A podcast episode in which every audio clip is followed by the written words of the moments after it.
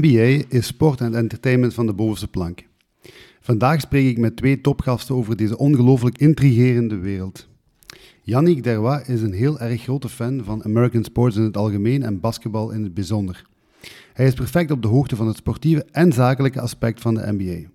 Raymond Westphalen is een professioneel coach op het hoogste niveau. Hij is een geweldige liefhebber van alle basket op deze aardbol. Ik ben Geer van Hoven, voorzitter van Offseason. Veel plezier met het beluisteren van deze podcast. Uh, mannen, we starten met de actie van de dag, de NBA Finals. Warriors tegen Celtics. Eerste match, volgens mij verrassend.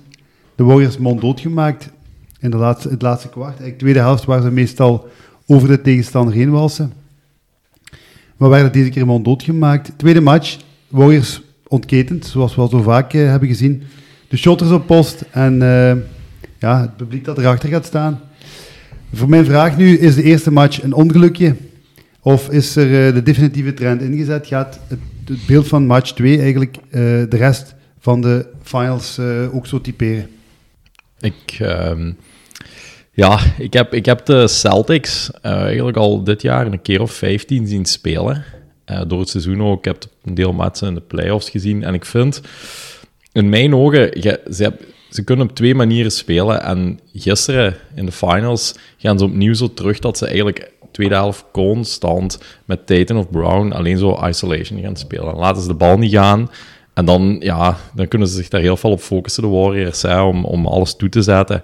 En dan is er geen, geen balmovement. En dan vind ik eigenlijk dat ze geen goede ploeg zijn ze verdedigen altijd wel goed, maar ze gaan dan te veel missen. En, en tegen de eerste match uh, gaan ze driven, terug naar buiten spelen, heel veel balcirculatie. En dan vind ik het wel een heel gevaarlijke en goede ploeg. En ik snap niet waarom ze dan daar zo in terugvallen, om dan de hele tijd de bal aan Brown te geven, tijd hem, iedereen aan de kant, één tegen één. Ja, dat, dat vind ik, dat mogen ze niet doen. Als ze dat niet doen, gaat het heel spannend zijn. Ja, ja, een beetje moderne NBA-basket. Hè. We vinden geen, geen balmovement, dan gaan we, dan gaan we ISO-bal spelen. Um, wat, ik, wat, ik, wat met mijn kijk daarop is, is ik denk dat in game one um, dat de Warriors de wedstrijd ook domineren. Tot de laatste 6, 7 minuten, denk ik, van, van de wedstrijd. Um, ik denk dat dat ook een beetje, uh, hoe moet ik dat zeggen? Hun, nonchalance is. Een beetje een Achilleshiel. Van, ze, kunnen, uh, ze kunnen enorm goed spelen. En als ze die flow voelen, zijn ze vertrokken. Maar ze kunnen ook soms zo nonchalant zijn, vind ik. Dat hebben ze altijd een beetje gehad.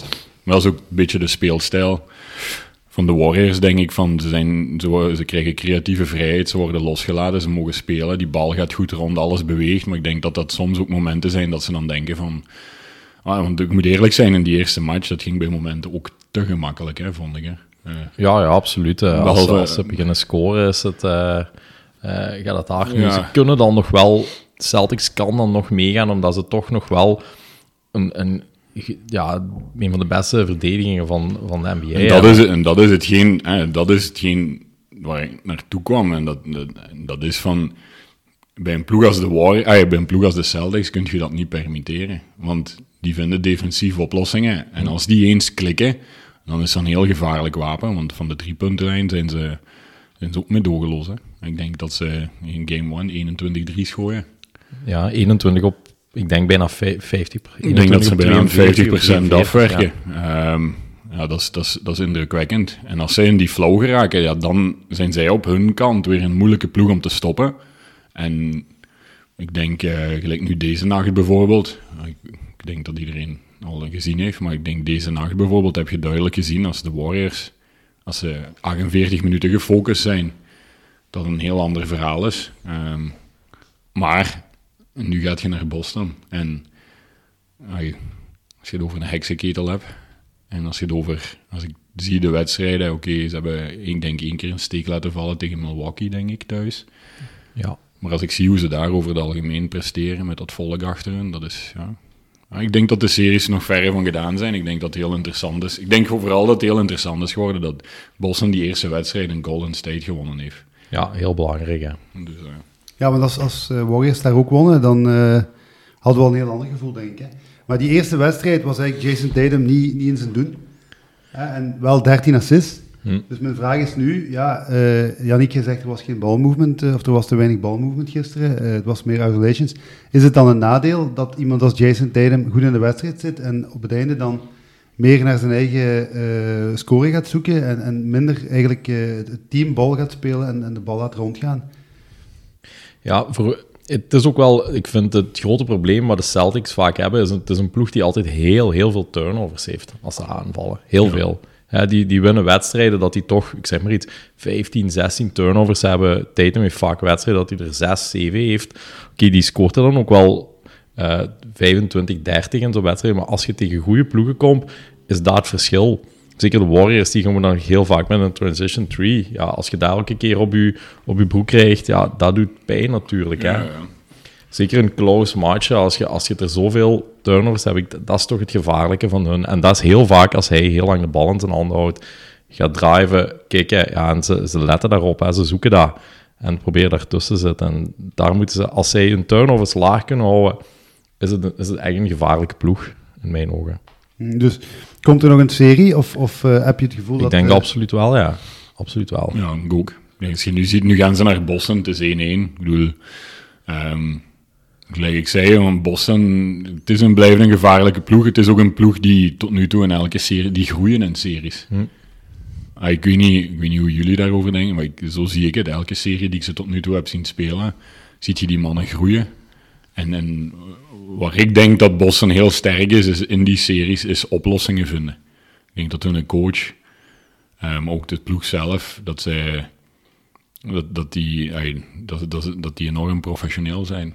En dat, dat, dat is een jonge coach, dat is een geweldig uh, compliment dat je nu maakt richting coach.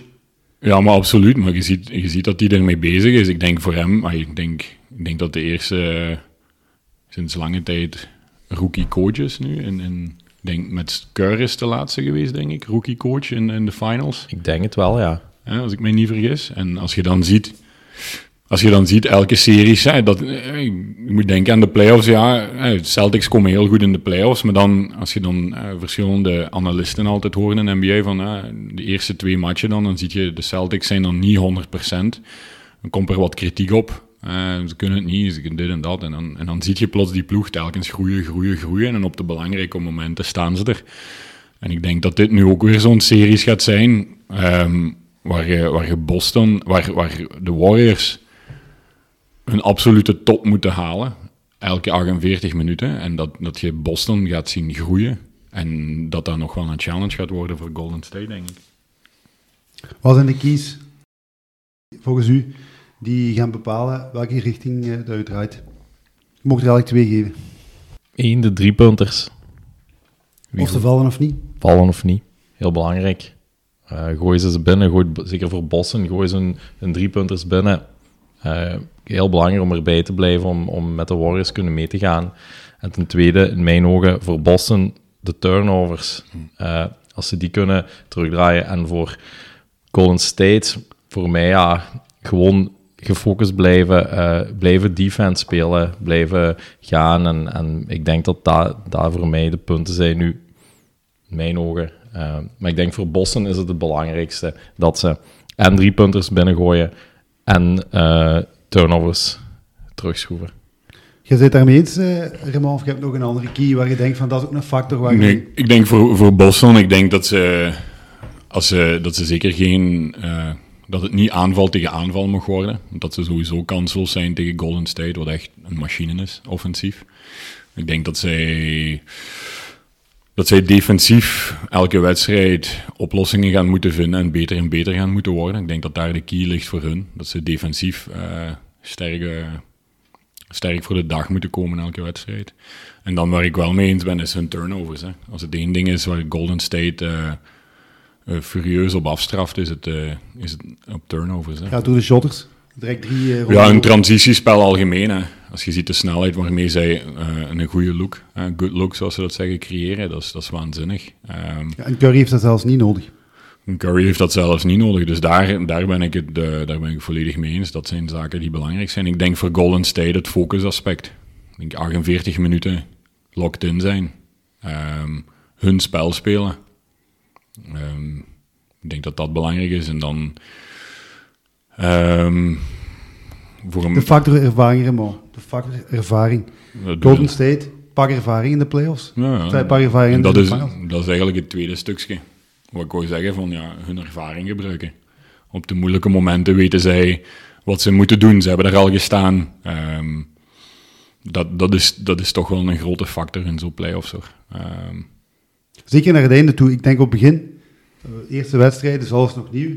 Maar als je dan naar, naar de eindmeet gaat, beginnen gaan stilletjes aan binnenkort. Hè, eh, als, er, als er een ploeg op twee, drie wedstrijden, winstwedstrijden komt, dan, dan gaan misschien nog in de kopjes wel, gaan ze toch wel wat nadenken misschien.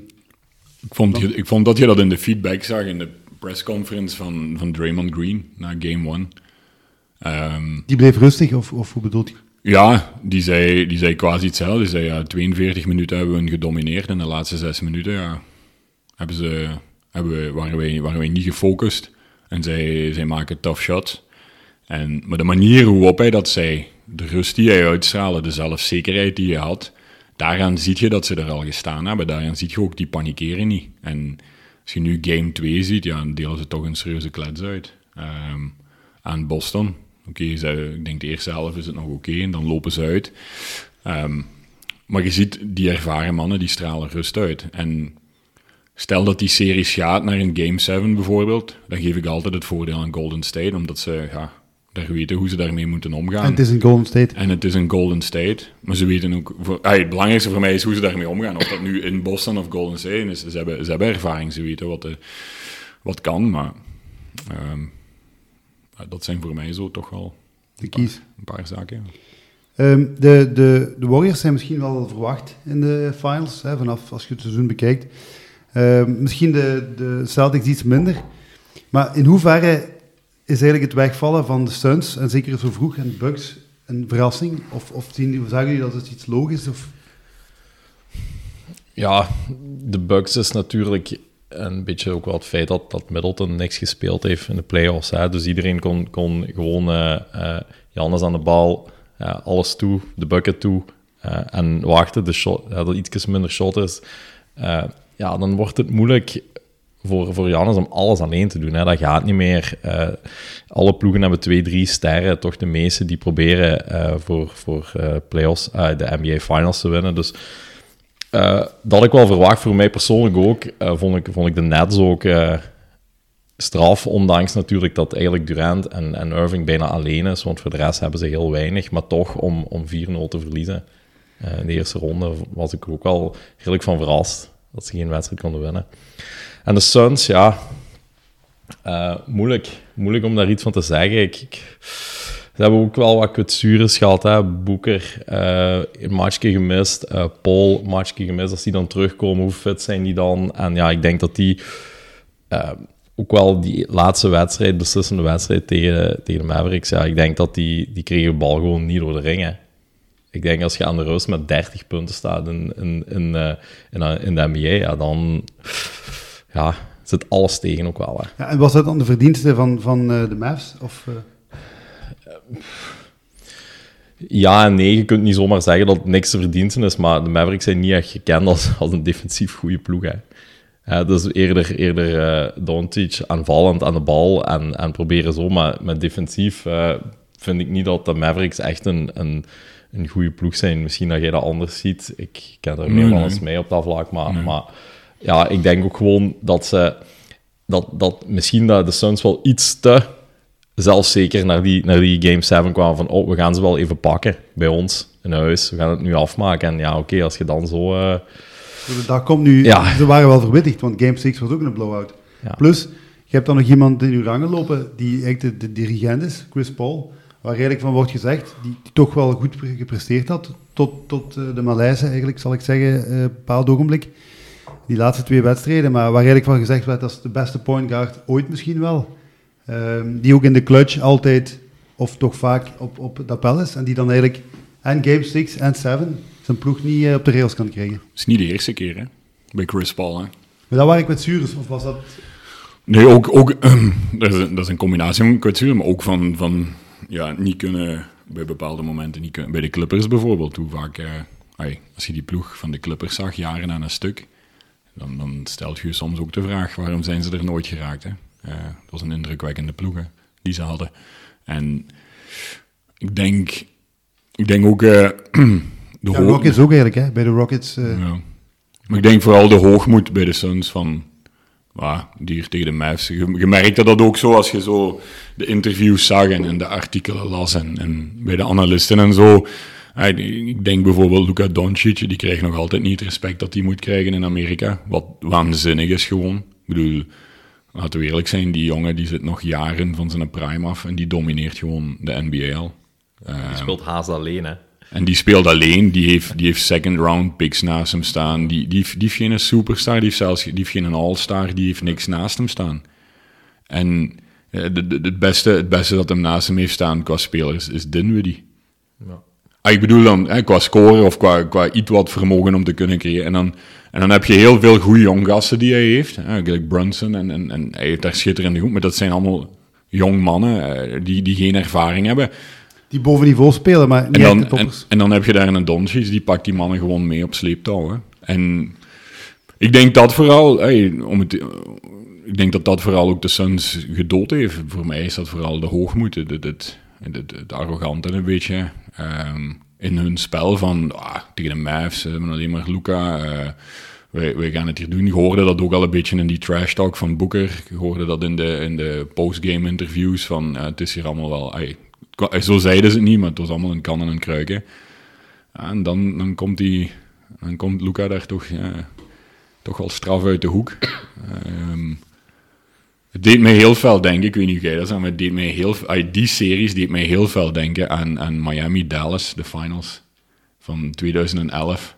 Maar waar- Miami ook volledig stilvalt. Waar, waar Miami, waar, de, waar, waar iedereen een beetje aan het lachen is met Nowitzki. En dan Nowitzki zegt van, oké mannen, genoeg gelachen en klets. Eh, en Jason serie- Terry en die mannen die en de, serie, en de serie gewoon afmaakt. En, en dat gevoel had ik een beetje met die series. Zo, dat deed me er heel veel aan denken. Zo van, ja, er wordt wat gelachen met Doncic. Doncic die zegt van, oké man, het is goed geweest. Eh, en hij liet het zien. En ehm, ja, ik denk bij de Suns vooral de hoogmoed. En, en ik denk intern ook wat zaken. Je hoort dan daardien het verhaal van eten. Eh, twee uur per nacht slapen, eh, omdat hem graag gamet. Ja, waar zit je dan? Het zijn zo zaken waar ik zeg van, hoe kun je dat doen als je een prof bent? Want slaap is een van de belangrijkste zaken voor een, voor een atleet. Uiteraard. Eh, zeker, in, zeker naar het einde van het seizoen toe. Ehm, dus ja, nee. ik vond het wel fijn en verfrissend om, om de Mavs daar Mm. te zien. Nu, Doncic is traag.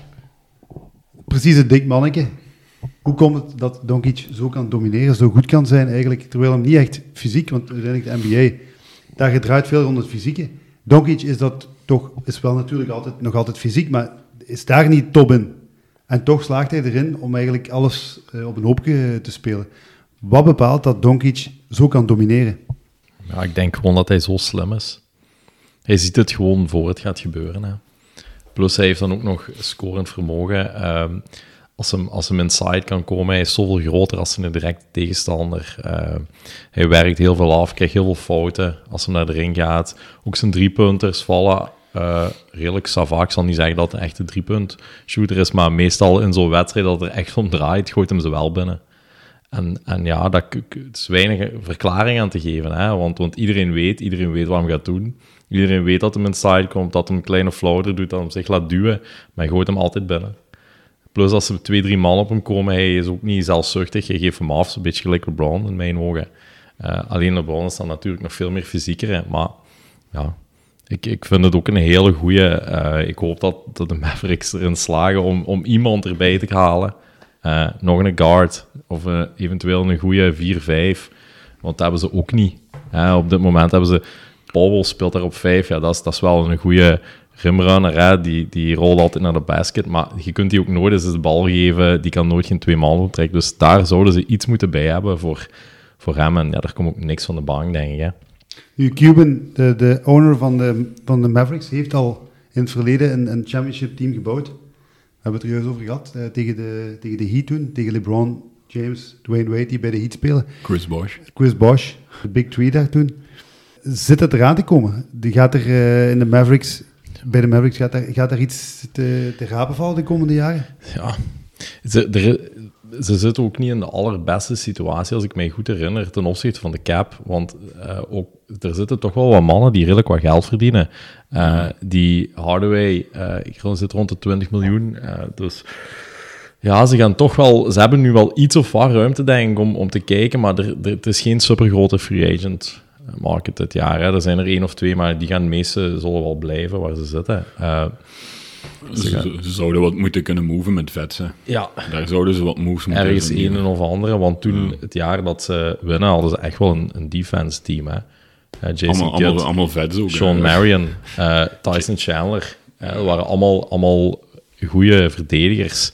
En dan Jason Terry, denk ik, en, en Nowitzki, ja, die dan offensief ja, niet te stoppen was. Hè. Ja. Ja, over vets gesproken, de LA Lakers hebben ook dit jaar groot ingezet op, op veterans. Deed mij een beetje denken aan het verhaal toen met Cleveland. Het jaar te veel voor LeBron, waar hij Dwayne Wade, Derrick Rose bij zich trok en, en ook wel op weg leek om die veteran team, veteran crew rond hem uh, te bouwen. De Lakers, niet echt hun beste jaar, om het zachtjes uit uh, te drukken. Hoe zien jullie het daar evolueren? Uiteindelijk, ik hoor dat Westbrook eventueel nog zou blijven. De, de owner zou gezegd hebben dat Westbrook, iedereen ging ervan uit dat Westbrook ging weggaan. Uiteraard AD, Anthony Davis, die, uh, die er niet bij was dit jaar. In hoeverre kun je eigenlijk Westbrook iets verwijten dit jaar? Of lag het meer aan het uitliggen van, van Davis? Hetgeen wat ik bij de Lakers altijd gehad heb, is dat ik, ik vond er geen, ik vond er echt geen balans in die ploeg zitten. Ik, ik, ik, ik, wat ik niet begrijp ay, ik vind Westbrook vind dat een goede speler, ik ga daar niet over, over discussiëren. Hetgeen is, als je LeBron en, en AD hebt, dan heb je twee, twee grootste superstars, om het zo te noemen, heb je. Inside, outside. Maar ik begrijp niet goed waarom je daar nog een Russell Westbrook moet bijzetten. Ja, wat, ik vond bijvoorbeeld Rondo perfect profiel voor daarbij te zitten. En je weet als je Westbrook binnenhaalt, dat is het baldominante guard.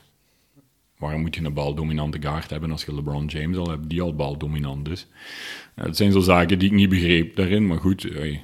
Ze hebben ook Schreuder, hebben ze ook laten gaan. Hè? Uh, maar dat was Schreuder zelf, denk ik. Hè. Die wou voor die, voor die max-deal ah, gaan. Okay. En... Uh, maar ja, ik, ik snap niet goed dat je zo baldominante figuren bijeenzet. Op zich dat je een Carmelo Anthony binnenhaalt, pff, daar kan ik nog wel mee leven. Omdat ja, hij, is, is een vet, maar hij heeft zijn shotjes wel. En, het is altijd leuk om iemand met ervaring te hebben die, die is, uh, wat belangrijke minuten kan geven of eens wat, wat de offense kan stimuleren. Um, maar ik miste daar gewoon, goh, is gewoon samenhang, balans in die ploeg. Dat, dat zat daar niet in, vond ik. En, en ja, dat, dat was, ja, het was niet, niet het meest boeiende jaar voor de Lakers, vond ik. Nee, absoluut niet. Ziet jij iets moven, uh, Yannick? Ja, ziet je iets moven? Het zal niet gemakkelijk zijn, want ze kunnen niks. Dus uh, ze zitten eigenlijk, als jij uh, alleen al LeBron, AD en Westbrook hebt, zitten eigenlijk al over de salary cap. Hm. Met die drie. Ja, dus ze hebben dan er zit ook nog onder contract volgens mij. Kendrick Nunn, ja, die heeft niks gespeeld dit nee. jaar. Is wel een goede speler, maar die staat ook nog voor 5 miljoen op de boeken. En uh, Horton Tucker staat nog voor 10 miljoen ja. erop. Dus ze, ze hebben, wij dan spreken, geen mogelijkheden. Uh, ze zullen, het enige wat ze kunnen is proberen Westbrook te traden. Maar goed, wie, wie gaat dat doen? Ze willen dan hun pick niet weggeven in 2007, 28, 29. Ja, ik durf het nu juist niet zeggen.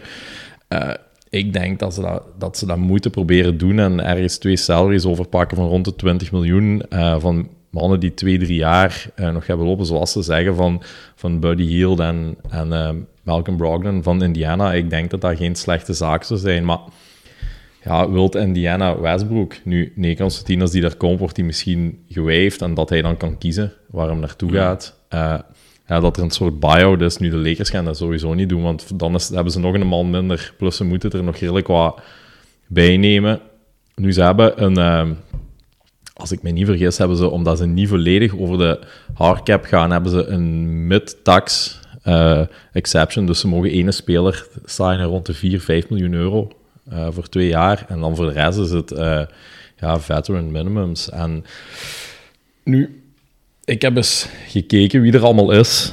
Uh, het is niet zo heel veel, want ik denk, in mijn ogen, um, LeBron James heeft succes gehad door zich te omringen met, met veterans. Uh, maar het verschil was bij Miami, ja, had je Wade, LeBron, Bosch, die alle drie in hun prime zitten. Dus die ook alle drie defensief geweldig waren. Dus dan kun je daar inderdaad wel wat veterans rondzetten die goede shooters zijn, uh, iets minder nog verdedigen, omdat die dat atletische kwijt zijn. Maar op dit moment is LeBron, kun je niet meer verwachten dat hij ook nog heel de wedstrijd de beste aanvaller gaat opnemen. Dus als ik hun was, zou ik niet gaan voor, daarom voor een uh, driepunt shooter die rond 40% gooit. Ik zeg maar het type cover. Maar zou ik eerder gaan zoeken naar mannen die rond de 2, 3, 34 procent gooien, maar dan toch nog wel goede verdedigers zijn, atletisch zijn, en dan missen ze. Want nu, ja, ik ben dan ik ben een LeBron-fan. als ik soms naar die wedstrijden kijk, ja, dan verdedigt niemand. Dat, dat is echt gewoon, soms is dat echt frappant dat ik denk, ja, wat zijn ze doen? En ze kunnen gewoon nooit geen twee, drie stops op rij krijgen. En uh, met die tax mid-level, uh, Gary Payton Jr., second wordt, is free agent van de Warriors. Ik vind dat een goeie. Dat is iets wat ik, die is ook niet baldominant. Die kan drie punten gooien, die verdedigt goed. Otto Porter Jr. van de Warriors is ook free agent. Maar ik denk dat ze gaan moeten kiezen. En dan voor de rest zal het die... Ja, moeten ze gaan kijken naar mannen die ze voor, voor het minimum kunnen aansluiten. Dat is wat ze aan de hand hebben, omdat ze Westbrook gepakt hebben. Hè. Want ja, nogmaals, ze zitten met drie spelers. De, de salary cap is volgens mij volgend jaar 122 miljoen. Ja, en ze zit met, met uh, eh, AD verdient volgens mij 40 miljoen, LeBron 243 en Westbrook 47. Dus met drie man zitten ze erover. Dus Westbrook 47, LeBron 44, Davis 37. En volgend jaar zitten ze met de contracten die, ze nu, al, die nu nog doorlopen, zitten ze volgend jaar op 146 miljoen dollar. Dus dan zitten ze er al 20 miljoen over. Ja. dus, en, en ja, hoe werkt het? Ja, dus bij wijze van spreken, uh, als je erover gaat... Uh, van 0 tot 5 miljoen moeten ze op elke dollar die ze erover zetten, anderhalve dollar tax betalen. Van 5 tot 10 miljoen wordt dat 2,5 of zoiets. En zo gaat je alsmaar hoger, tot je, ja, tot je, oké, okay, hardcap kun je niet over, kun je alleen maar over als je met een soort van sign-and-trade doet, dat iemand pakt, mocht nog 2 of 3 miljoen over de hardcap gaan. Dat hebben de, de Warriors, ik denk dat de Warriors dit jaar uh, aan, alleen aan taxen, ik denk bijna, bijna 80, 90 miljoen extra taxen betalen. Ja, dus, uh, maar goed, ze hebben ook wel altijd, ze doen ook wel altijd mee als ze dat doen. Hè, dus... En weet je, als je dan meedoet, dan, dan valt dat nog mee. Maar als je dan ja. niet eens in de playoffs komt, met, ja, met dat uit te geven... De, bijvoorbeeld uh, zat er ook heel veel over, hè, dit jaar de Utah Jazz. Dat is, dat is natuurlijk wel... Hè, als je dan als owner zit en je moet zoveel bijbetalen, terwijl er zoveel ja, toch wel hommeles is uh, binnen het team. Ik ben benieuwd wat daar gaat gebeuren. Ja, Quinn Snyder is nu niet meer headcoach. Nee, en Gobert en, en Mitchell zo niet zo goed gaan. Mhm. Eh, inderdaad, die gaan ook... Het zou misschien ook omgegooid kunnen worden. Hè. Zo'n Gobert bij de Mavs. Ja, dat zou niet slecht zijn. Zou niet misstaan. Mitchell ook. Ja. Dat, dat, dat, zijn zaken waar ik wel naar uitkijk. Dat, dat zou... Ja. Maar Gobert ook, hè. Ik zie hier volgend jaar 37 miljoen dollar verdienen. Ik, ik vind dat te duur voor een die niet... Je, hebt ook een, je moet ook wel ik vind als center in de NBA moet je ook wel op regelmatige basis toch wel je, punten kunnen maken zonder dunks. Zonder dat... Ja, je moet moves hebben. En je, moet, iets... of wat, en dat heeft Gobert niet.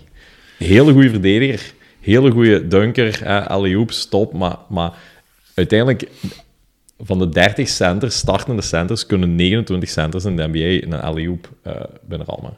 Ik denk wel als je hem nu zou teamen met, met Luca in de pick-and-roll. Ja, ja, hij is absoluut. Denk, absoluut. Ik, denk ik dat dat... En verdedigend is het ook een hele Denk ik dat dat, dat, dat, dat, verschrikkelijk nieuws is voor de tegenstander. Ja, en zeker als je dan... Wat, wat ik interessant zou vinden aan dat duo... Niet, ik weet niet of het realiseerbaar is op termijn, maar wat interessant is aan dat duo... En met de shooting mogelijkheden die Dallas nu al heeft... En met Finney Smith, Hardaway... Uh, Brunson die kan creëren toch, als je dat shooting vermogen hebt, en je hebt dan dat dodelijke pick-and-roll met Gobert en, en, en Doncic, ja, dat zou een fantastisch mm. Dallas-team zijn. Hè. Maar, niet dat ik een Gobert-fan ben, maar qua compatibiliteit met Doncic bijvoorbeeld, zou ik dat wel tof vinden. Ja, ja die zou er wel van, uh, die zou er kunnen profiteren, van die, die aandacht die Doncic... Uh Maar misschien dat de, de Lakers, we zijn nu bezig over die trade en dergelijke, maar misschien dat de, de beste trade die ze kunnen doen is gewoon intern. Is proberen ID speelklaar uh, te krijgen. Wat is daar eigenlijk aan de hand dat die zoveel uit is, eigenlijk het hele jaar lang? Dat hem zijn kwetsures krijgt, oké. Het is niet dat hem zo, ik zeg maar iets, een hamstringblessure of zo. Het is, het is vaak, heel vaak zijn enkel omklinken. Hè, na, na een rebound, na, na een blokshot. Maar ik, het duurt gewoon altijd heel lang eer hij terugkomt. Nu, ik zit daar niet in de medische staf, dus, dus ik, ik moet me daar ook niet in. Ja, dat kan allemaal, maar ik vind toch dat het altijd wel heel lang duurt ten opzichte van iemand anders die, die zoiets heeft. Dus misschien zit hij zelf wel heel voorzichtig met zijn eigen, maar het is, het is niet elke keer een spierblessure. Als dat nu zo zijn, zou ik zeggen... Het is een accident, zo accident, dus het is ja. een op, opeenstapeling ja, altijd enkels. van pech, zo gezegd. Ja. Dus het zou dan volgend jaar wel nodig kunnen komen. En zijn ze opnieuw een legitieme contender, indien die erbij komt. Ik, ik stel mij altijd daar die vragen mee. Bij, die, bij sommige... Ik, ay, er zijn blessures die ergens zijn, maar bij sommige... Ay, dat is misschien... Dat, ik weet niet wat dat is, hè, maar... Uh, ik zie dan soms gasten die slaan een enkel om in de NBA. En, en, en we hebben ook vaak ons een enkel al omgeslagen. En dan, dan zie ik dat dat weken en weken en weken aansleept. En dan stel ik mij daar echt vragen bij. Want ik zeg niet dat zij zo moeten zijn, omdat dat gaat om meer geld. Maar ja, vroeger sloeg je een enkel om, je probeerde erop te staan. En twee dagen later probeerde je nog eens. En als het ging, deed je een tape er rond en je speelde. En vandaag de dag zie ik dat daar vaak in de NBA, dan slaan ze een enkel om. En dan blijven ze drie, vier matchen aan de kant zitten. Maar, kanttekening is, wij gingen nog, misschien nog niet eens naar de kinerap. Of wij, deden gewoon wat ijs op. Die mannen hebben een full, fulltime team van, van health en, conditioning, die, die, die continu met u bezig zijn. En ik, ik kan dat... Ey. Plus ook die enkels moeten toch geprepareerd zijn voor de wedstrijd. Die moeten toch getaped zijn. Ja, maar dat hangt van persoon tot persoon af. Hè. Gelijk Curry bijvoorbeeld. Maar Curry heeft een oplossing gevonden. Hè. Curry in het begin van zijn carrière was ook een, een, een labiliteit met zijn enkel. Daar had iedereen schrik van. En als je het ziet, hij heeft het nu minder en minder aan de hand. Oké, hij speelt met die braces, heeft die hoge schoenen aan. Hij doet ze nu. Dus er zijn oplossingen voor. Dat bedoel ik. Maar De- nemen zij die oplossing? Neem bijvoorbeeld een En- AD. Neemt die En, oplossing? en bij AD, ja, daar, daar stel ik mij zo... Hey, niet alleen bij AD, ik zie dat soms een, een enkel omslaan en zeg oké, goed, ja, dat je een dag of twee uit, drie uit bent met die behandelingen. Als je niks gescheurd hebt of niks intern opgenomen, ik stel me daar soms echt vragen bij. Of zo van die mannen zeggen zo wat soreness hebben en zo. Oké, dat je dat niet erger wilt laten worden, maar soreness, ik bedoel... Maar er zijn dingen die, die vroeger gewoon niet bestonden. Vroeger speelde je speelde normaal 82 matchen. In de, in de, in de tijd van, van Jordan, Stockton, Malone en dergelijke. Ja. En nu heb je echt bewust ploegen die zeggen, kijk, die speler is niet gekwetst. Die gaat gewoon die drie wedstrijden, die gaat niet mee op die roadtrip. Die, gaat, eh, die wedstrijden gaat hij rusten. Ehm, Nou, dan moeten ze die als, als gekwetst opzetten, hè, want dat Ja. mag niet hè, van de NBA. Hè. Je mag niet zomaar zeggen, Ja. eh, die, die zit een wedstrijd uit. Of die dan krijg je een dikke boete. Maar Ja. ik wil maar zeggen, vroeger werd, werd daar niet over eh, gedacht. Ja, maar ja, dat is ook wel alles veranderd. Hè. Ja. Ik weet niet of, ik weet niet of het, ik, durf niet echt uitspreken of het dan vroeger, of dat beter was, of dit of dat. Ik denk gewoon, nu heb je, nu hebben die mannen ook, ik, eh, hoe moet ik dat zeggen? Vandaag de dag, een, een middelmatige speler kan al makkelijk 10 miljoen dollar verdienen. Vroeger een middelmatige speler, als die aan een miljoen, miljoen twee kwam, was het al heel, heel veel. Hè?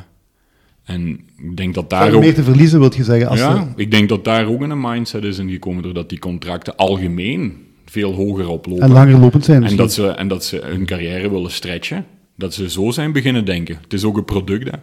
Ze hebben een eigen brand, ze hebben de NBA-brand. Alles wil zo lang mogelijk uitrekken. En ik denk dat dat ook een groot deel te maken heeft met van hoe dat die mindset vandaag de dag zit. Van, ah ja, oké, we gaan, weet je, als we het ons kunnen permitteren van twee matchen langer uit te zitten. En daardoor kan ik op termijn mijn seizoen wat beter rekken. En daardoor ah, op die termijn dan weer mijn carrière wat rekken. Ja, dan verdien ik weer wat meer centen. Want er wordt, ai, het is een geldmachine tegenwoordig. Hè, dus het is absurd hè, wat er Ja, betaald en de wordt, hè. spelers, spelers zijn geweldig krachtig in die zin van, ja, Kawhi Leonard beslist gewoon om een jaar aan de kant te blijven. Nu, afgelopen jaar niet, was hij gekwetst, maar bij, bij de Spurs beslist gewoon, ik ga jaar aan de kant zitten. En krijgt nog altijd maximum contract elders, kan nog altijd doen wat hij wil eigenlijk. Omdat hij weet, als ik dat jaar, als ik dat jaar nu aan de kant zit, eh, dat zorgt er misschien voor dat ik nog drie, vier jaar op een, op een bepaald niveau kan spelen en dat ik ook nog kan cashen. Ze zeggen dat zo niet, maar ja, als je, Ja, als je uiteraard. een beetje logisch nadenkt, het is, het, is, het, is, het is geen rocket science. Hè? En, nee, nee, nee. En vroeger was dat zo niet. Vroeger was het gewoon de, de, de, de, de ruwe mentaliteit van we gaan spelen, we gaan ballen. En we liggen niet wakker van die zaken, wie ik wil zeggen. Ay, als, je, als je bepaalde stats ziet van, van Jordan en, en Stockton, van series die ze gespeeld hebben, zonder dat ze wedstrijden gemist hebben. Dat is gewoon waanzinnig, hè. En dan moet je denken, ik zal niet zeggen dat dat, dat was misschien niet de atletischere basket als nu, of snellere basket nu, maar het was wel tien keer fysieker. Ik een John Stockton, moet je inbeelden, is een, een, een, een jongen, een meter negentig, eh, die daar tegen vroeger eh, de mastodonten moest gaan spelen. Nou, allemaal eh, waarschijnlijk ook nog op de steroids aan het spelen. Allemaal van die, van die buffels. Ja, dat was geen evidentie. Hè. Als je daar zo lang zoveel wedstrijden speelt, zoveel minuten speelt en altijd maar blijft spelen en blijft spelen en blijft spelen. Hè. Dat waren fysieke, fysieke jaren, fysieke series ook altijd. Hè. En dat, dat is één ding wat ik, wat ik daar wel in mis vandaag de dag. En da- daarom dat ik daar ook zo met die blessure, als ik zo blessures zie, zo'n enkel omslaan, dan denk ik vaak van...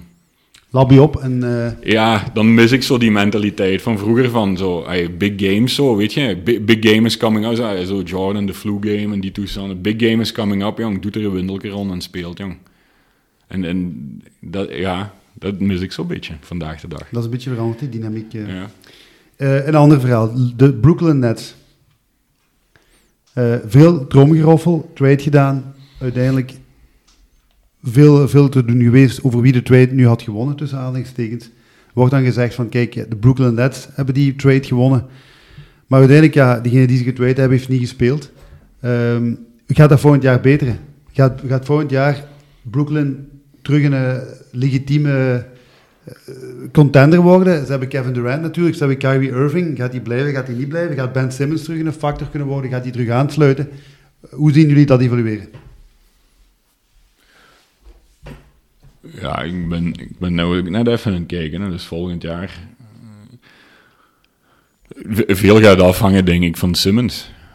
Ehm, ik denk dat Simmons wel eh, een beetje de missing link is voor de Hij heeft ook Nets. zijn gebreken, hè?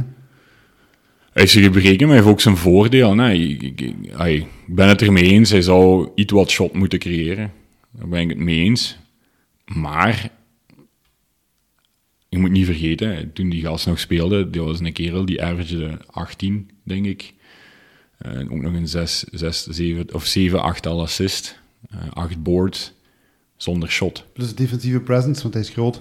Ehm, En mobiel. kan switchen op meerdere posities. Ik bedoel, dat is, dat is niet niks. Ik vind, ik vind dat hem veel kritiek heeft gekregen puur op dat driepuntshot.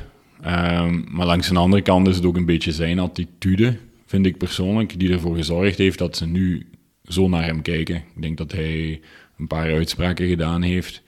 Een paar keer zijn, zijn mentaliteit heeft laten zien van wat hij vroeger bij LSU had, van eh, liever lui dan, dan, dan hard werken. Of alles moet rond eh, hem draaien.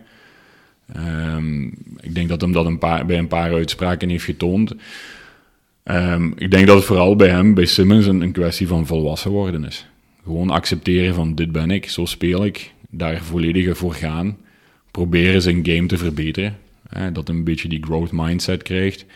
En ehm, ik denk dat Simmons, een fitte, wel gemotiveerde Simmons, als je die bij de Nets gaat plaatsen samen met Durant en Irving, dan denk ik wel dat de Nets heel gevaarlijk kunnen worden volgend jaar.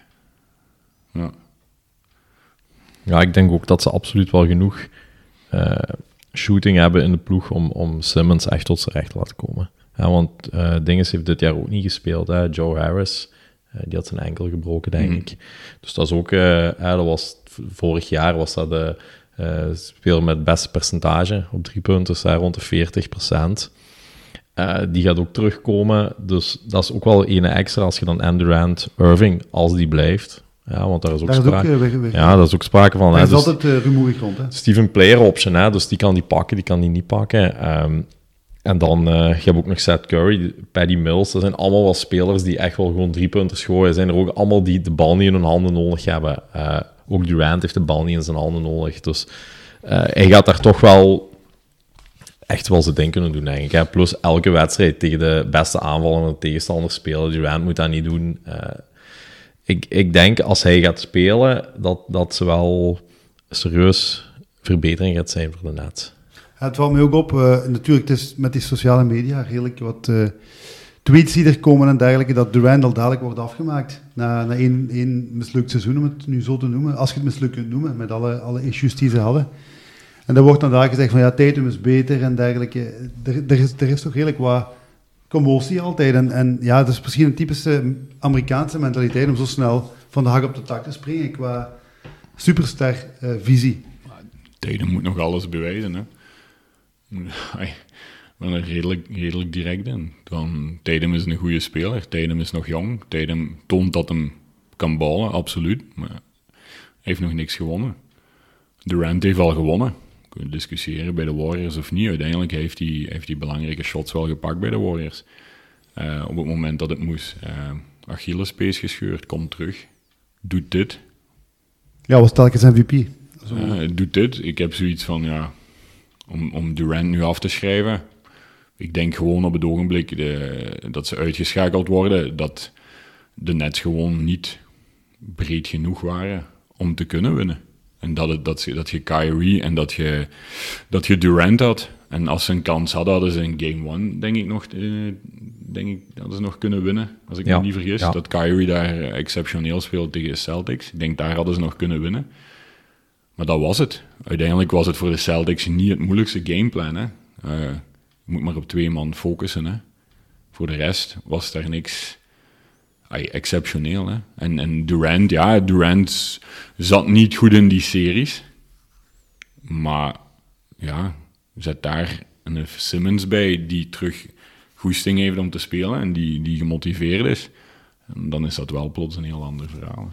Maar die komen er volgens jullie allebei eensgezind terug bij volgend jaar? Dat weet ik niet. Dat weet ik niet. Ik weet niet wat de situatie is, maar ja, ik denk ook wel, wat voor een seizoen heeft Durant daar gehad, hè? Ja. die komt daar. Uh, Harden, die zit daar, die heeft na twee maanden geen goesting meer. Die speelt niet meer, die is zogezegd gekwetst. Hij wordt getraind, Simmons komt, Simmons... Uh, constant berichten van de Nets waar ze niet slim zijn geweest. In mijn ogen constant zeggen van ja, uh, binnen één of twee weken is hij speel klaar. En elke keer in plaats van dan niks te zeggen of gewoon te zeggen: kijk, we weten het niet. Ja, dat dan. Irving die alleen maar in uitwedstrijden speelt vanaf een bepaald punt. Hè, dus ook pas vanaf januari of zo. Want voor tot december heeft Irving niet gespeeld. Hè. Hebben ze hem weggestuurd. Hij heeft de ploeg hem weggestuurd. Dat zal ook wel met meezegging van Durant zijn geweest. Hè, want, want die zal wel iets te zeggen hebben. Ja, en dan hebben ze eigenlijk terug moeten vragen, want als hij niet was teruggekomen, hadden ze misschien zelf de play-offs niet gehaald. Hè. Hebben ze moeten bellen, wil je alsjeblieft terugkomen de uitwedstrijden spelen? Dus die, ik denk dat hij ook al heel het jaar zoiets gehad heeft van, wat, wat ben ik er eigenlijk aan doen, hè? Met wat ben ik aan het spelen, hè? En dan nog de play-offs gehaald. En dan nog de play-offs gehaald, hè? Tuurlijk, want uiteindelijk, uh, dus, Durant, misschien wel puur zo binnen de driepuntlijn misschien de meest ontstopbare speler in, in, de NBA. Met zijn shot, je kunt daar gewoon niet aan. Hè. Je kunt daar gewoon niet aan. Hè. Ik denk de beste scorer in de NBA. Absoluut. Hè. By far. Absoluut. Hè. Plus ook ene die, die bal afgeeft, uh, niet de hele tijd ISO speelt, uh, teamspeler is. Uh, ik vind dat ook een geweldige, geweldige speler. Daarmee, maar, ik ben het ermee eens. Als die, die, als als die een stabiel jaar hebben, ja, een stabiel seizoen hebben, met Simmons dan erbij. Die mee, hè. Maar jongens, toch, ik, ik denk... Ik denk, oi, maar dat is gelijk gezegd hier. Dat is, dat is typisch Amerikaans. Nu breken ze die gast af. Maar ze, ze vergeten altijd wat, wat is er vooraf gebeurd. Hè? En, en ook in Amerika telt, telt, maar één ding, dat is winnen. Hè? Al, de rest, al de rest dus is, is... Zouden die mannen persoonlijk verantwoordelijk voor het resultaat van een heel team? Want ik weet, ja, als je als je dan ook nog, denk dan vorig jaar, hè, verliezen ze dan tegen de Bucks. Ja. ik weet niet of je dat weet, James Harden, die kon niet lopen van hier tot aan de deur. Hè, die had een verrekking in zijn hamstrings. Ja. Hè, die kon niet bewegen. Uh, Irving, die had iets aan zijn enkel. Hè, die is uitgegaan. Dus ook daar heeft Durant alleen gespeeld. Hè. Want Harden, die in het defensieve moment ik me nog, ja, daar, daar gingen ze op af, die stak zo'n beetje zijn handen uit, maar die bewoog die niet. Kon niet meer doen. Daar liepen ze gewoon langs door. Dus ook daar heeft hij toen ze bijna, ik denk dat hij toen in de 50 punten scoort. Hè? Dat, het, dat het uiteindelijk TNO op de lijn, T niet op de lijn. maar kijk maar, is, maar, dat is, kijk maar als, je, als, je de, als, dus je puur de ziet, als je de ploeg ziet volgend jaar gezond, met Harris erbij, met Simmons erbij, dat is, dat is een indrukwekkende ploeg. En je mm. moet denken, ze hebben volgend jaar hebben ze nog Seth Curry ook nog. Ze hebben Joe Harris die terugkomt, Simmons die, die er dan bij gaat zijn. Ze hebben Paddy Mills nog. Maar ze hebben Simmons nodig, ook in dat defensieve. Ze hebben Sim- maar dat, dus, ey, als die jongens gezond zijn en die zijn een jaar samen, dat is, dat is, een, dat is een gevaarlijke ploeg. Hè. En Simmons, ik vind, ey, zo, ey, ik ben niet de grootste fan, maar ik zie gewoon, dat is een 2 meter 8 point guard eigenlijk. Die, die, die eh, ja, ik discussie over zijn drie-punt shot, ja. Ik vind dat waanzinnig, hè. Die, die gast, Dat wordt dan uitvergroot. dat wordt uitvergroot. En terwijl, oké, ik snap wel dat hij wat shot moet hebben, maar hetzelfde bij Rondo, hè, bij de Celtics. Hè. Kon ook niet shotten, hè. Maar hij draaide wel zijn ploeg alle kanten om. En ik denk dat Simmons die capaciteiten wel heeft. Ik denk gewoon dat het veel bij hem zelf ligt, ook in het koppetje.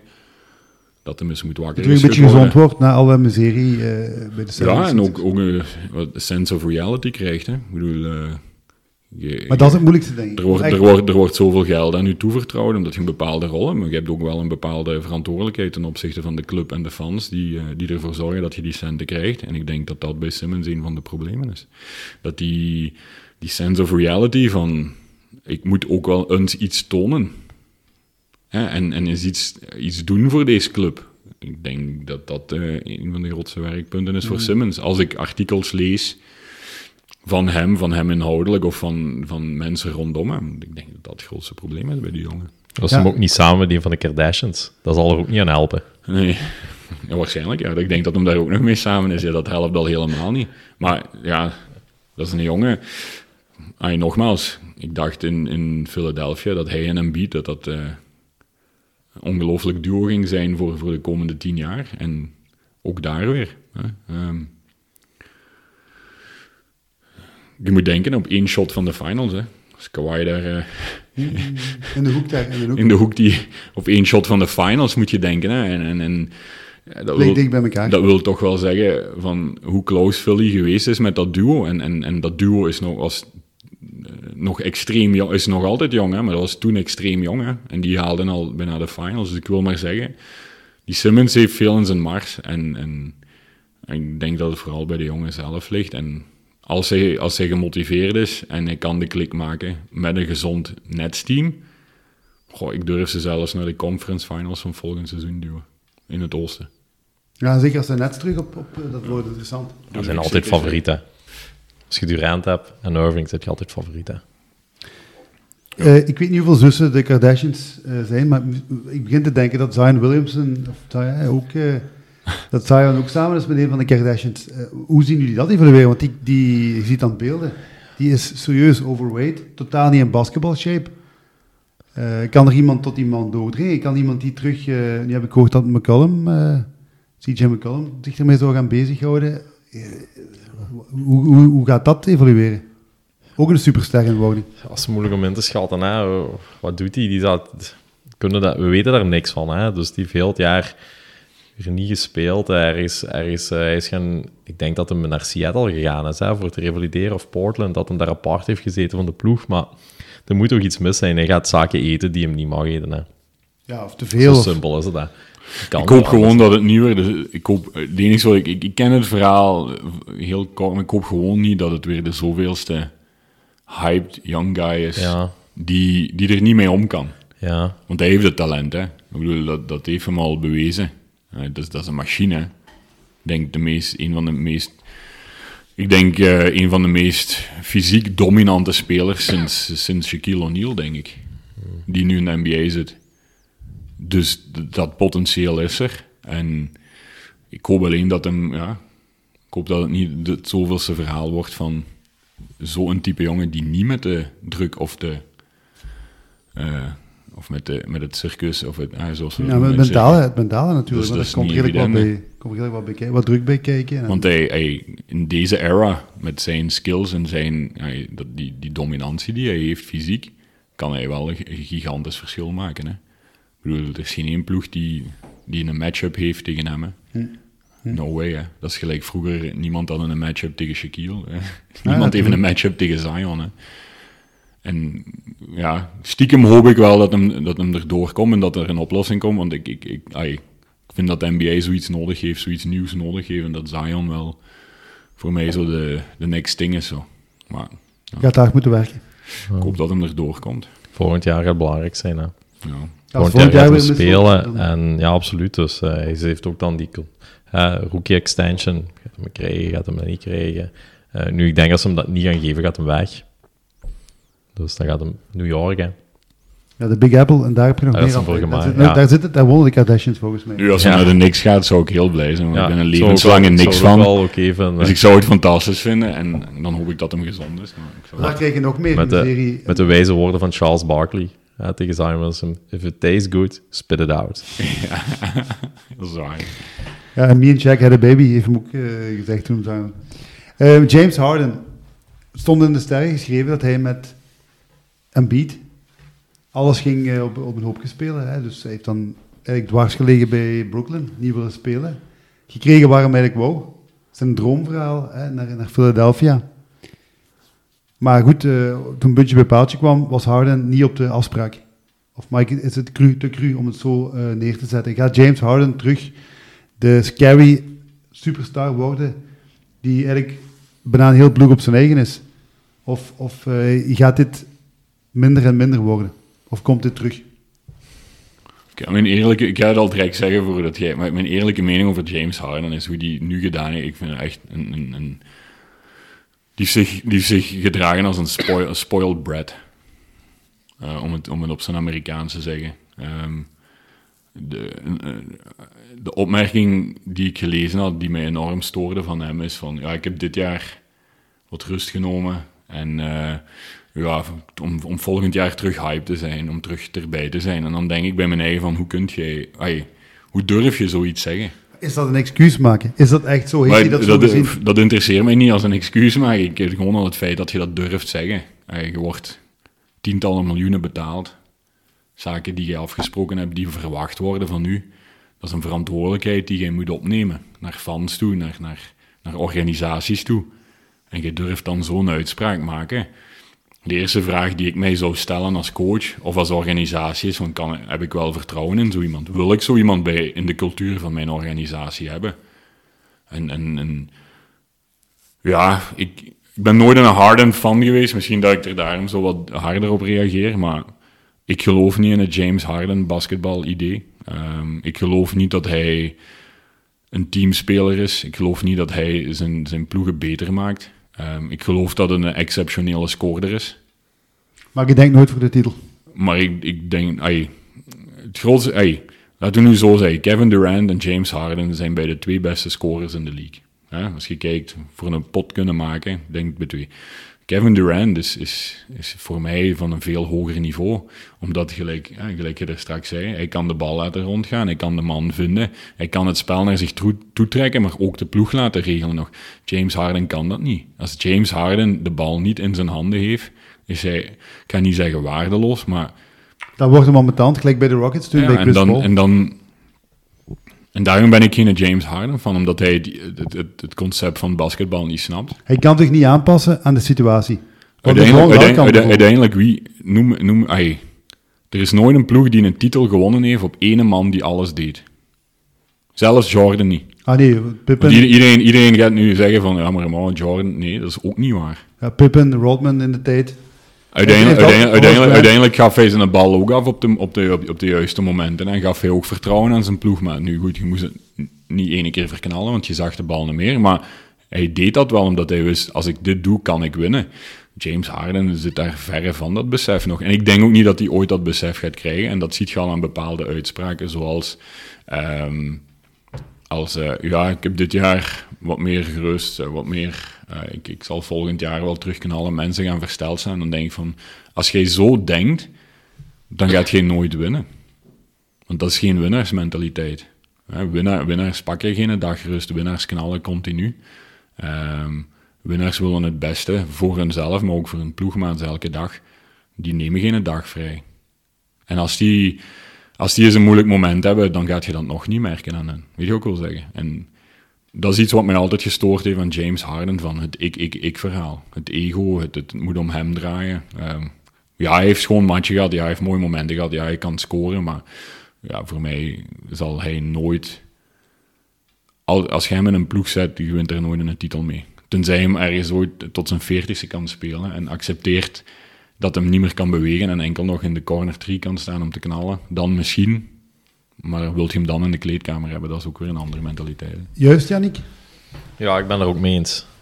Ik, ik, Dus daar komt niks ik- van. Philly komt niks van. als ik, als ik eh, morgen een eh, GM was en we spreken over zes, zeven jaar geleden en ik mocht, mocht een speler kiezen, zou ik hem ook nooit nemen voor, voor mee te beginnen, mijn ploeg.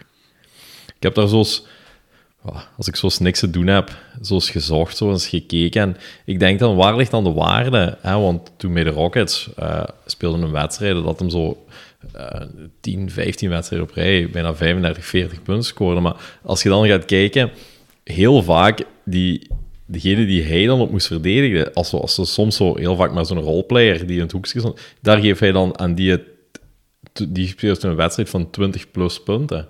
Dus hij verdedigt gewoon niet. Dus ik denk dan, ja, wat, wat, waar, als je dan tegen, ook tegen een topper tegen je krijgt, en jij speelt tegen die, en jij maakt 40 punten in die wedstrijd, maar je laat die er ook 40 maken, dan heb ik zoiets van, ja, oké, dat, dat vind- ik, zou, ik zou dat niet kunnen. En dat is het grote verschil. Hij speelt dan die shooting guard. Je dan ze echt de, de absolute toppers, waar hij toch vindt dat hij bij hoort. Dat deed Kobe Bryant niet, hè. Nee, Kobe Ja. pakken alles op, hè. Ja, die zei, oké, kom maar, ik zal ook op u verdedigen. En dat deed Jordan niet. En dat doet Durant ook niet. Want Durant kan wel verdedigen. En die nemen daar toch een zekere pride in om, om u te stoppen. En ja, hij denkt gewoon, ja, ik moet hier nu even bekomen. Want dadelijk moet ik aan de andere kant. En dat bedoel ik, als je dan tegen een goede ploeg speelt. En eh, toen die eh, finals, conference finals tegen Warriors. Ja, als hij er dan voor zorgt dat in die wedstrijd een Iguodala 20 punten maakt, ja, dan heb je een probleem. Want je weet dat Thompson en Curry 30-30 gooien. En als hij zich dan aan de zijkant eh, minder een belangrijke rol in de verdediging opneemt, maar je laat dan die elke keer vrijstaan, of je laat die elke keer in je rug naar de basket ja, dan... Dat, dat snap ik niet. En daarom ben ik niet de grootste Harden-fan. Wel natuurlijk, als hij de bal heeft, vijf, zes jaar geleden, één tegen één, hup, ja, dat kan hem gelijk de beste, hè, maar uiteindelijk wint je daar geen match mee. En daarom zou ik nooit... Ja, nee. Het, hij, hij doet het niet voor mij. Ik kan er, kan er minder op zeggen, maar, maar het is wel een offensief, is, gelijk jij zegt. eh, Als het in orde is. maar de laatste vijf jaar geleden was offensief samen met, met Durant de meest ontstopbare speler in de NBA. Ja. Ja, hij, kan, hij kan scoren, maar het is... Hey, het is gelijk ze het oud gezegd en altijd zeggen, eh, defense wins championships. Hè. En, en, en ongeacht, ongeacht meestal, dat is, laten we eerlijk zijn, eh, meestal als je scorersmentaliteit hebt, zit je niet de beste verdediger in je ploeg. Maar het is de effort die je ziet bij mannen die er, die er eh, gelijk Durant, gelijk Kobe, wat gezegd, die namen daar ook pride in, van dat te willen doen. En, en dat, als uw superstars op dat niveau komen, dat ze zeggen van, en en dat is wat ze noemen lead by example. Als uw superstars op dat niveau komen, dat is, dat is wanneer je kampioenschappen gaat winnen. Van het moment dat ze die zeggen van, kijk, eh, we moeten niet alleen offense spelen, maar defense gaan we ook ons manneken. Iedereen zegt, Steph Curry, Steph Curry, ja, is dan een topverdediger? Nee, daar kun je over discussiëren, maar op de momenten, op de momenten dat hij het moet doen, staat hij er wel. Hè? Ik bedoel, dat is, dat, is, dat is geen manneke wat daar staat. Hè. Die, kan, die kan verdedigen, die snapt de concepten, die, die, die doet zijn job daarin. En op de momenten dat het moet, staat hij daar. En als uw ploeg dat ziet, dat uw superstars naar dat niveau gaan, ja, je moet volgen. Hè. Ja, plus hè. die, die pumpt ook iedereen op, hè. Je Tuurlijk. ziet dat die, die pump die iedereen op, die is blij voor iedereen. Dat ziet die James Harden, die zal nooit... eh, En super- da, dat is, wordt je, ah, ik mis dat ook heel veel bij hem. Ik kan er ook niet van. En eh, als, je, als jij de beste speler bent, vind ik, van die ploeg, dan moet je dat doen. Ja, en plus ook, ik weet, vorig jaar eh, heb ik een artikel gelezen dat hij gesignaleerd is in Parijs Ja, ja, gaat, met een of andere rapper. En het is een goede vriend dan. En die, die rapper die wordt, dan, eh, die wordt dan opgepakt. Onder invloed van drugs en dergelijke. Nu, ja, oké, daar is niks ten laste te- te- tegenover hem, maar hij is er wel bij. ja, er wordt vaak gezegd dat hem overal in de, in de discotheken zit en, en veel Ja, weggaat. dat Maar dat- ik goed, denk dus dat hij is dat niet de enigste. Hè. Hij zal niet de enigste zijn. Hè. Die, die Maar, basket, die basket dat, dat, dat, Ja. is, dat valt ook al onder showbusiness. Hè. Ja. Ik, bedoel, dat is, Ja, ja, ja. ik denk niet dat dat iets... Ai, maar dat verandert niks aan het verdedigen of niet verdedigen. Nee. hè. En dat is een mindset ook niet. Dus, eh, Nee. En dat is het verschil met de echte grote. Hè. Ja. Want dat is hetgeen er straks, hè, want ik wou daar straks op in pikken, bij Luka Doncic bijvoorbeeld, hè, dat ze zeggen van eh, dat niveau in de NBA en dit en dat. Eh, waarom, waarom kan hij dat aan? Ik denk dat dat gewoon te maken heeft ook met wat dat hij meegekregen heeft hier in Europa. In, in- op jonge leeftijd. Je moet denken, die is op 16-jarige leeftijd wordt hij gedropt bij Real Madrid.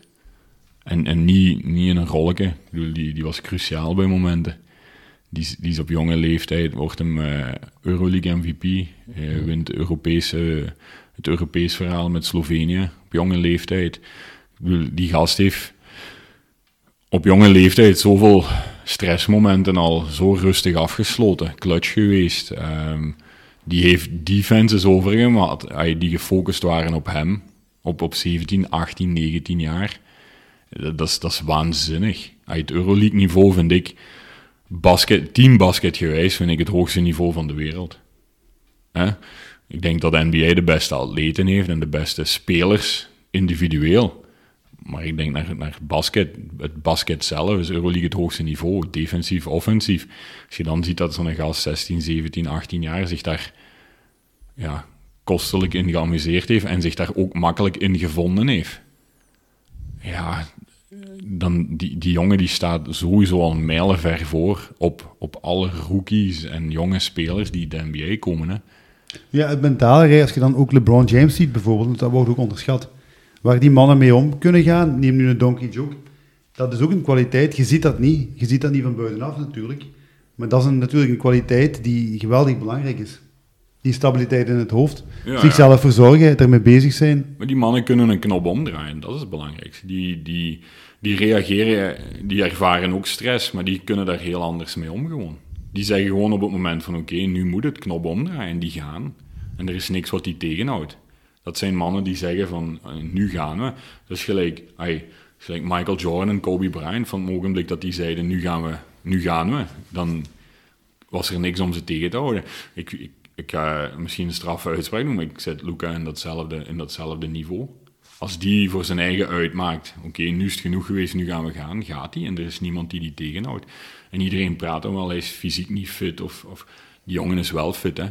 Hij heeft een, een, een speciale stijl. Even, even een speciale stijl, maar hij is fit. Hè. Ik bedoel, je mag zeggen wat je wilt. Jokic, dat zegt ook iedereen. Dat is ook atypisch NBA-speler. Maar die jongens zijn fit, die snappen het spel. Die, die kunnen ze wat scherper staan. Ja, daar kun je altijd over discussiëren. Maar ja, het, is, moeilijk, toen- het is moeilijk om naar iemand toe te stappen die, die ehm, een triple-double bijna averaged over, over, eh, over een seizoen. Die een ploeg van second-round picks, jong gasten, naar de conference finals brengen. En dan gaan zeggen van, ja jongen, uw vetpercentage is niet goed. Nee, absoluut. En, en ja, ik denk, die zijn, ze zijn zo effectief. Puur door dat mentale. Dus dat, dat moet ook jonge spelers van hier sterken. Hè. Je, niet, je kunt niet het hoogste springen. Je bent niet het rapste op je eerste stap. Die mannen ook niet. En ze behoren toch tot die beste spelers. Ik denk wel niet dat je mag onderschatten hoe sterk dat Doncic lichamelijk is. Want we hebben het hier nog altijd over een point guard die 2 meter 6 is. Ook Maar je zegt nu vetpercentage, maar misschien heeft hij zo'n kas op en zo'n spieren en zo'n core, dat dat, dat, dat, dat misleidt. Nee, maar dat is wat ik wil zeggen. Ik denk wel dat die, die, zal, die zal misschien een iets hoger vetpercentage hebben als een LeBron James. Daar kunnen we het wel over eens zijn, denk ik. Maar hetgeen is, de verhou- gelijk je zegt, de verhoudingen. Ik, ik ik denk, die jongen is enorm sterk. Hè? Ik bedoel, als je, hem, als je hem ziet opposten, je brengt hem niet uit positie. Hè? Die zijn balans, hè, zijn core is zo, zo goed. Ik denk dat het van, in, ik denk dat het van een immens niveau is. En dat je die daardoor zo moeilijk uit zijn spel kunt krijgen. Als je ziet hoe die in ballscreens zijn positie kan pakken, hoe die mensen op zijn rug, op zijn heup houdt, hoe die, hoe die pusht, hoe ze hem proberen te pushen, die beweegt niet. Dat, dat, dan, dan zie je dat die jongen uitzonderlijk sterk is. En dan inderdaad, ja, hij ziet, hij ziet er wat, wat, met- het lijkt of als hij wel wat babyvet heeft. Maar die, die kerel is immens sterk. En, en die eerste stap, die is niet zo traag als dat iedereen denkt. Ik denk, maar zijn voetenwerk is gewoon enorm efficiënt. Ik denk dat veel gasten in de NBA, die zijn atletisch, die zijn explosief. Dus die, die, die leren de eerste regel. Als jij sneller bent dan uw man, ja, dan klop je die in de rechte lijn. Dat is de eerste regel, als je sneller bent. Doncic is niet sneller, Maar zijn eerste stap zal altijd voor de verdediger zijn. Waardoor hem uw positie wegpakt als snellere en, en misschien fysische verdediger. Maar hij heeft gewoon goed voetenwerk. Hij weet waar hij zijn voeten moet zetten om het voordeel te hebben in offense. En, en, en dat is... Dat, dat maakt hem zo exceptioneel. Hij kan dat met, dat met, met die sterke body, met dat groot lichaam van hem. En ja, en, en dan is hij ook nog eens... Ja, hij, hij, hij fears nothing, hè. Hij heeft al heel veel meegemaakt ten opzichte van heel veel spelers in die league, hè. Hij is ook altijd zo speels. Op het terrein, ziet, hij speelt Hij altijd geniet ervan, hè. grapjes aan het maken. Nu wel vaak ook in commotie met, met, met refs. Vaak aan het discussiëren. Is dat iets, eh Yannick, wat hij moet verbeteren als hij succesvol wil zijn? Want het, het is vaak eh, discussie met de refs. Ik denk dat niet. Ik denk dat hij dat kan losplaatsen eh, van zijn wedstrijden. Want dus, ik vind niet dat dat is dat hij dan slechter gaat spelen of zo. Heeft dat misschien wel nodig, hè. Het is de ene die heel tijd babbelt. Eh, hij is ook heel vaak in discussie met mensen op de eerste rij. Eh, sommige spelers doen dat. Sommige die zeggen niks. En, en hij zal ook meer een zijn die, die constant iedereen... Ja, een soort van hele lichte trash talk. En ook tegen mensen die langs de kant zitten. En Gepper die dat niet doen en met een wedstrijd bezig zijn. Maar ik denk niet dat dat voor hem een, een, een probleem uitmaakt. Zo'n beetje... ehm, deze week nog eh, een verhaal gehoord van Gary Payton. Die ook zei dat hij tegen iedereen trash talkte, iedereen trash talkte. En dat er maar één speler was waar hij waar echt hem kon dingen. En dat was eh, Stockton. En vroeg waarom. Ja, die zei niks. Die reageren op Die reageerde niet. Die deed alsof ik daar niet stond. En ik kon daar niet mee overweg. Ik had daar heel moeilijk mee zijn. Ja, Garnett, had dat, Gar- Garnett die had dat met Tim Duncan. Ja, die zei niks. Dus die, die reageerde... Ik, ik, Maar die, kaf- was ook niet, die werden ook niet geaffecteerd. ik, kaf, ik, ik kafferde die uit. En die, die keek mij gewoon niet aan. Die keek gewoon langs mij door. Die horen het gewoon niet. Ja. Dat is ook natuurlijk een... een- En, en hij zei, ik kon dat niet plaatsen. Maar dat trash talk, ik heb Oddel Hodge in de vorige podcast horen zeggen van ja, die, die babbelen ook constant. Hè. Die zei van ja, kijk, dat trash talken, dat is eigenlijk om mezelf op het scherp te zetten. Ja, ja. Dus wanneer ik dat deed, dan moest ik het altijd upbacken. Maar sommigen hebben dat nodig en sommigen Daar niet. is, daar, daar is niks mis mee. Ik vind, ik vind dat dat is part of the game. Hm. Ik vind daar echt niks verkeerd mee. Echt niet. Ik vind, dat, ik vind dat net goed doen. Maar Don, Don, het enige wat ik denk is van Doncic, hij, hij, hij, hij, hij, hij wil datzelfde respect hebben als, als mannen gelijk, gelijk Steph Curry en Durant. En hij wil datzelfde respect van scheidsrechters hebben gewoon. En, en daarom ziet je... En dat is typisch als je elke superstar in het begin van hun carrière ziet. En als je in het begin van de carrière gaat kijken hoe, hoe minder calls ze meekregen in verhouding van nu. Als je LeBron gaat kijken bij de Cavs in zijn eerste jaar en je kijkt LeBron nu. Ja, als je nu nog maar verkeerd op een blaast, heeft hem een fout mee. Maar vroeger gingen ze met de Pistons in, in, in, die conference finals gingen ze met drie aan hem en werd er amper gefloten bij wijze van spreken. Weet je wat ik wil zeggen? En dat is gewoon, ik denk dat dat, dat is gewoon ook een beetje de roep naar de, onder de, de druk die hij wilt zetten op, op, op refs. Maar dat is, dat is eigen aan zo'n upcoming superstars, dat ze dat een beetje proberen te doen. Hè. Tatum gaat dat ook beginnen hoor. Als die, als die een paar keer niet de calls gaat meekrijgen, gisteren wordt hem daar ook weer twee, drie keer onderuit gelopen. Ja, als, dat, als dat bij iemand anders is die al een paar jaar in de league zit, gelijk Durant of zo, dan is dat een automatische call. Hij krijgt die zaakjes nog niet mee. En, en dan, Tatum blijft dan rustig. Ja, Doncic, daar zit, daar zit, daar zit, eh, daar zit Sloveens bloed in, opgeleid in Spanje. Daar zit wat vuur in natuurlijk. Ja, die reageert anders. Maar ik vind dat daarom ik vind dat niet verkeerd dat hem dat doet. Hij moet zich laten gelden. Ik vind dat hem nu al te weinig respect krijgt algemeen in de States. Oké mannen, heeft er nog iemand een topic eh, waar we iets over, of kunnen we afsluiten? Ik kan het denken. Ja. Wat met de heat? Wat met de heat, ja. Daar dacht ik dat nog iets over ging Barry komen. Close, ook kwetsuur, Tyler Hero die uitvalt. ja, toch belangrijk hè, van de bank. Ja, dat is degene die altijd 20 punten maakte en zo, maar ja, ik, ik- ja, ik kan Ik heb een goede, ik heb een goede vraag daarover. Het laatste shot van, van Jimmy Butler. Goed of niet goed? Als het binnen gaat, goed. Ja. Als het Op niet zich, staat, gaat, op zich staat hem open. Nu, hij kan gewoon doorlopen, hè, denk ik ook. Hè. Hij kan gewoon voor de lay-up gaan als het misschien komt. Maar in mijn ogen staat hem wel vrij. Maar ik kan dat moeilijk inschatten. Was, wat ik zo gedaan heb, ik ben nooit in zo'n situatie van zou ik drie punten... Ja, ik ben... Ja, plus geen- hoe voelt hij zich op dat moment? Is hij, he- heeft hij nog benen? Ja. Moeilijk, moeilijk, om, moeilijk om iets over te zeggen, hè. Wat denk jij? Er was wel commotie rond. Ik heb het achteraf, achteraf heb ik het teruggezien. Op zich denk ik op dat ogenblik dat dat, dat, dat niet de verkeerde selectie was.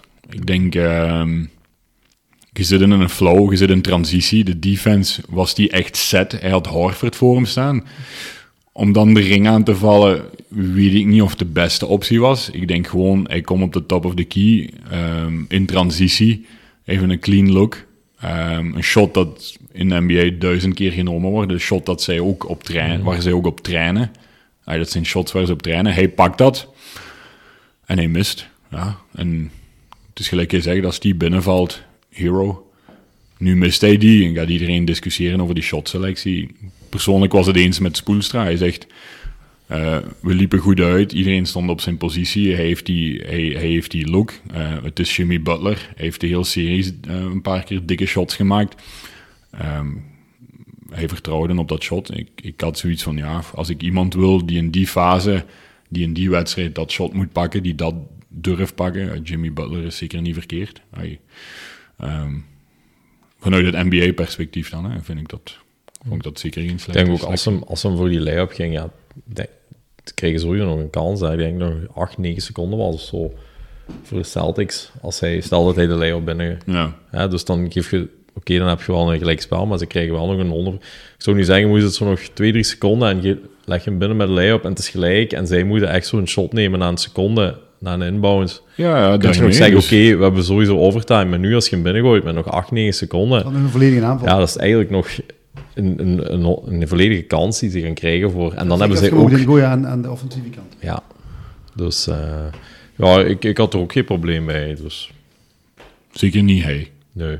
Ik had zoiets van een paar straffe momenten gehad in die series. En, en die vibe van die game, dat zat er ook in. En, en, en ik had zoiets van, ja, als hem die... ey, ik zat ook te kijken hè, en ik dacht van, goh, hij gaat die gespringt reggen. Want dat is, dat is, als hem die maakt, dat is, dat is waanzin, hè. En het is niet dat hem... Het is dat hem niet bekend staat om af en toe een big shot te maken, hè. En ik vond, ook gezien de positie van de anderen en zo, vond ik het zeker geen... geen en, en vanuit NBA-perspectief, hè, ik, ik, als een van mijn spelers dat zou doen, zou ik waarschijnlijk wel misschien een beetje gek worden. Vanuit coachperspectief, ja. Maar langs de andere kant, wie neemt... Ja, nee, ik zou achteraf wel kijken wie neemt dat shot. Als je ziet dat dat een van uw clutchmannen is die dat shot gaat pakken... pff, ja, Ja, weet je, je kunt daar ook niet hard op reageren als coach, want je, neemt, je gaat ook schrik een beetje bij je spelers installeren als je daar hard op reageert. Eh, ik, denk, ik denk gewoon dat dat afhangt. Iedereen kent zijn rol. Ik denk Jimmy weet dat hem de clutchman is van de Heat. Ja, oké, hij, hij neemt de beslissing om dat shot te nemen. En ik denk dat dat, dat zijn duidelijke afspraken. En dat die coach dan ook zegt van oké, goed, ja. Als ik iemand... Hey, je krijgt een snel shot. Defense is not set. Echt 100% op die perimeter. Iedereen staat op zijn positie. Hij krijgt dat shot. Hij pakt het. Oké. Hij mist. Ja, oké. Hij mist. Oké, jongens. We zullen in de oog houden hoe het gaat uitdraaien tussen de, de Warriors en de Celtics. Maar ik wil jullie heel erg bedanken om naar de off-season studio eh, te komen. En ehm, wordt, on, wordt ongetwijfeld eh, vervolgd. Dus ik hoop dat we misschien naar aanleiding van het nieuwe seizoen nog eens kunnen samenzitten om daar eens te bekijken hoe dat de ploegen er gaan uitzien. En dan eh, het seizoen goed eh, voor te bereiden. Goed. Merci voor de uitnodiging. Tot de eh, volgende, jongens.